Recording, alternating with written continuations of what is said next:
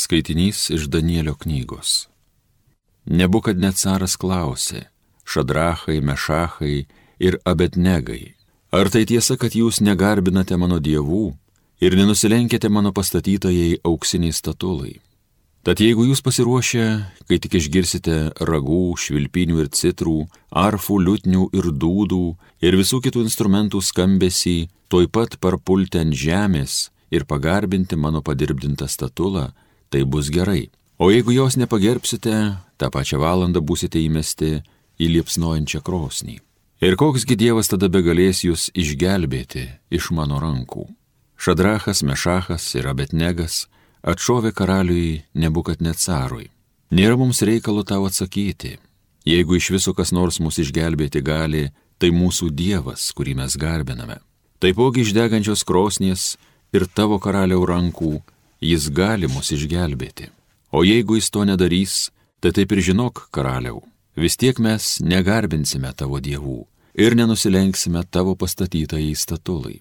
Tada nebukad net caras įtūžo, jo veidas išvypo iš pykčio, ant šadracho, mešacho ir abetnego. Jis liepė įkūrenti krosnį septynis kart kaitriau negu paprastai. Keletui stipriausių savo kariuomenės vyrų įsakė surišti šadrachą, mešachą ir abetnegą ir įmesti į degančią krosnį. Tačiau tuo metu į krosnį buvo nusileidęs viešpaties angelas. Jis blaškė iš krosnės liepsnas ir darė jos vidų tokį, lyg dvilktų gaivinantis vėjas, ugnis jų visiškai nelietė, ji nieko jiems nekenkė, jų neapsunkino.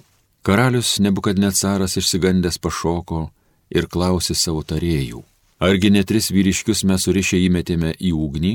Tie atsakė karaliui, taip karaliau. Šis atsikirto, bet aš matau keturis vyrus laisvai ugnyje vaikštinėjant, jie sveikutėliai, o tas ketvirtasis atrodo panašus į dievaitį. Tada nebukad net caras sušuko - šlovė Šadracho, Mešacho ir Abednego dievui.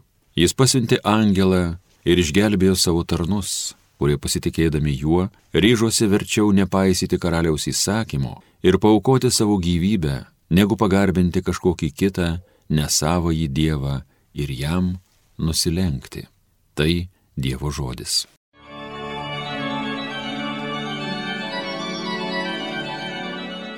Garbė ir šlovė tau per amžius. Garbė tau viešpatie mūsų protėvių dievę, garbė ir šlovė tavo šventajam vardui. Garbė ir šlovė tau per amžius. Garbė tau viešpatie garbingoj šventoviai. Garbė ir šlovė tau per amžius. Garbė tau viešpatie karališkam soste. Garbė ir šlovė tau per amžius. Garbė tau viešpatie dangaus ir žemės valdove. Garbė ir šlovė tau per amžius. Garbė tau viešpatie dangaus aukštybėse, garbė ir šlovė tau per amžius. Šlovė tau Kristau amžinosios garbės karaliau. Palaiminti, kurie išsaugo Dievo žodį geroje širdyje ir duoda vaisių kantrumo. Šlovė tau Kristau amžinosios garbės karaliau. Pasiklausykite Šventojios Evangelijos pagal Joną. Jėzus kalbėjo įtikėjusiems į jį žydams. Jei laikysitės mano mokslo, jūs iš tikro būsite mano mokiniai. Jūs pažinsite tiesą ir tiesa padarys jūs laisvus. Jie atsakė, mes esame Abraomo palikonys ir niekada niekam nevergavome. Kaip tu sakai, tapsite laisvi? Jėzus jiems tarė, iš tiesų, iš tiesų sakau jums, kiekvienas, kas daro nuodėmę, yra nuodėmės vergas bet vergas nemžinai namuose lieka, tik sūnus lieka ten amžiams. Jei tad sūnus jūs išvaduos, tai būsite iš tiesų laisvi. Aš žinau, kad jūs Abromo vaikai, bet jūs norite mane nužudyti, nes mano žodys neranda atgarsio jumyse. Aš kalbu, ką esu matęs pas tėvą, o jūs darote, ką girdėjote iš savojo tėvo. Jie atsikirto mūsų tėvas Abraomas, bet Jėzus tęsė toliau. Jei jūs būtumėte Abraomo vaikai, darytumėte jo darbus. Deja, jūs norite nužudyti mane, žmogų, kuris kalbėjo jums tiesą, girdėtą iš Dievo. Šitaip Abraomas nedarė.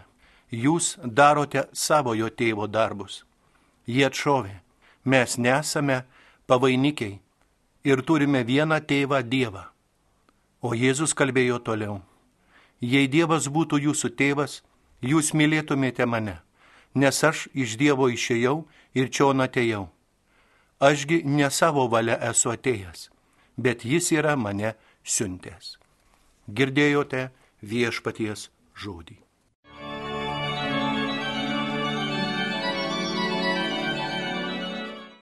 Mėly tikintieji, kaip priimama žmogus sakantis nemalonę tiesą ar atskleidžiantis kitų nuodėmės. Štai judėjams kilo noras nužudyti Jėzų. O dabar tokį žmogų laiko moralistų, besikėsinančių į asmens laisvę kabutėse, kai žmonės nori patenkinti savo troškimus, nesusimastydami apie pasiekmes ir į nieką nežiūrėdami, tuo labiau į Dievą. Adomo ir Jėvos nuodėmė, nepaklusnumas Dievui pasikartoja vėl ir vėl, bet jau nesuvokiant savo kaltės. Atmesdamas tai, ko protas negali aprašyti moksliniais kabutėse metodais, žmogus tengiasi išvaryti nuodėmės savoką iš savo gyvenimo ir net reikalauja pripažinti nuodėmės darimą kaip žmogaus teisę kabutėse, galvodamas, jog tai ir yra laisvė. Kas mus daro laisvus? Šį klausimą turime apmastyti kiekvienas. Ar laisvė yra viską daryti, daryti viską, ką noriu, nesiskaityti nei su nieko? Tokia klaidinga ir apgaulinga laisvė vadinasi egoizmas. Nepriklausimas nuo nieko, net nuo Dievo. Tuomet ant piedestalo užsiropšė didysis egoistas aš. Aš pats viską sprendžiu, aš pats pasirenku, aš tau leidžiu, aš, aš ir aš.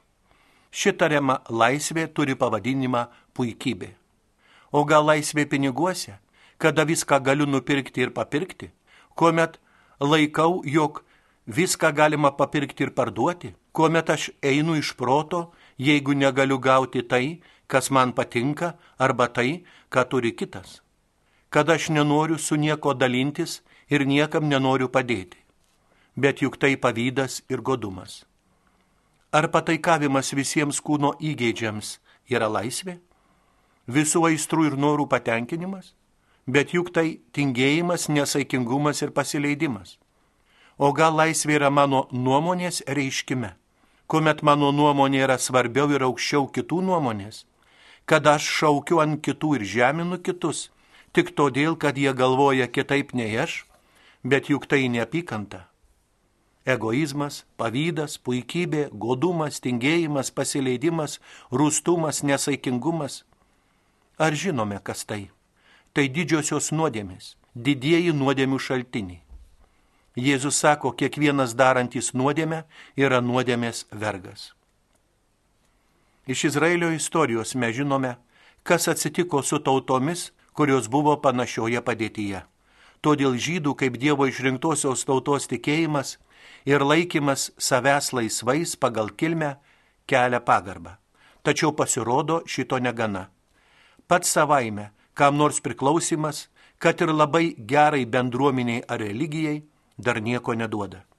Į dangaus tėvo namus atvesti mus gali tik Dievo sūnus, jeigu mes leidžiame jam išlaisvinti mus iš nuodėmės. Vaikeli, tu visuomet su manimi ir visa, kas mano, yra tavo sako tėvas iš palyginimo apie sūnų palaidūną. Dievas kviečia mus išlaisvintus iš nuodėmės vergyjos, tapti jo vaikais ir ateiti su džiaugsmu į jo puotą. Kodėl taip sunku atsiliepti į šį tiesos žodžio kvietimą ir jį priimti? Kaip Adomas ir Jėva, mes slepiamės nuo Dievo ir kitai būti negali, nes nuodėmė gimdo baimę.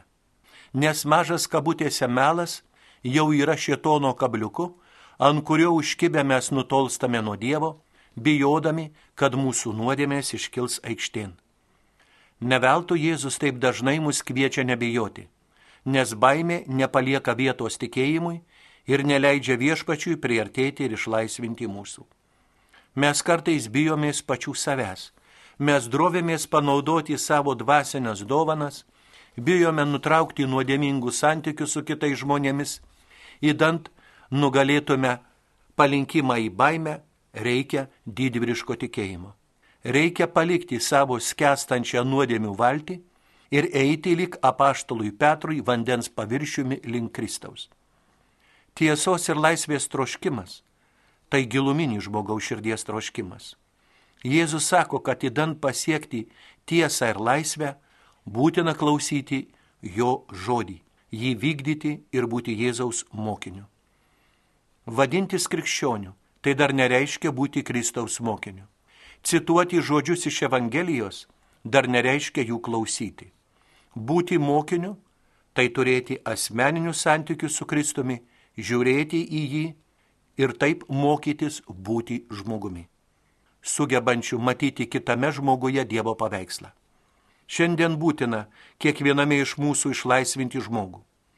Laisvė tai galimybė pasirinkti gėrį. Šis pasakymas parodo, tai, ką mums sako Jėzus. Nuodėmė atima iš mūsų laisvę. Gerumas, Dievo įsakymai niekada neatima iš mūsų laisvės. Žinoma, kai kurie žmonės yra pamėgę nuodėmės, galvoja, kad Dievo įsakymai tai apribojimai atimantis iš žmogaus laisvę. Iš tikrųjų, Dievo įsakymai yra nurodymai, lik kelio ženklai, mums rodantis, kaip laisvės dovana panaudoti išmintingai. Dievo įsakymai padeda apsisaugoti nuo nuodėmės vergovės. Ar galima pasakyti, kad alkoholikas yra laisvas žmogus? Juk kai kurie iš jų gyvena gatvėje, be jokių apribojimų, ką nori, tą ir daro. Ar benamys yra laisvas žmogus? Jeigu jis tikrai laisvas, tegul pasirenka gėrį, tegul negeria, tegul sugrįžta į bendruomenę. Ar sugebės? Jei ne, tuomet reiškia jis nėra laisvas, bet priklausomas. Priklausomas reiškia nelaisvas. Laisvė tai ne išorinės aplinkybės, kurios nuo mūsų nepriklauso. Laisvė tai žmogaus dvasios būsena. Šventasis Maksimilijonas Kolbė buvo vokiečių konslageryje, reikštų, kad neturėjo laisvės.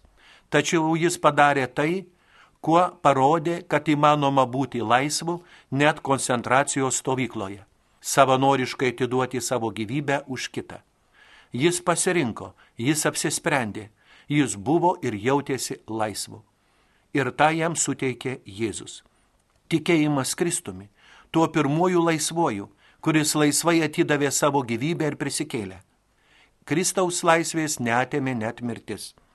Ir mūsų laisvės netima išorinės aplinkybės. Net jeigu mes neturime pinigų ir negalime nusipirkti to, ko norime, tai netima mūsų laisvės. Argi mūsų tėvų laisvę varžo tai, kad jiems reikia rūpintis vaikais ir jie negali nueiti į teatrą ar koncertą, kada sugalvoja? Ar kai lyga suvaržo mus ir mes negalime išeiti į gatvę ar bendrauti su žmonėmis, ar tai atima mūsų laisvę? Mūsų laisvę atima nuodėmė, mūsų įdos, blogi įpročiai, tai jie įstumia mus į tikrą kalėjimą, tikrą vergovę. Mes nusidėję bijome apie kažką pasisakyti, mes bijome, kad kažkas nesužinotų, sunkiai nusidėję mes gyvename baimėje, kompleksuose, sąžinės graužime. Jėzus mums nori dovanoti laisvę. Tačiau nereikia su juo ginčytis, kaip ginčijosi judėjai, bet priimti laisvę kaip dovaną. Kaip tai padaryti? Jūs pažinsite tiesą ir tiesa padarys jūs laisvus. Šventasis Augustinas sako, tas, kas geras, tas laisvas, net ir būdamas vergu. Tas, kas blogas, tas yra vergas, net jeigu jis ir karalius.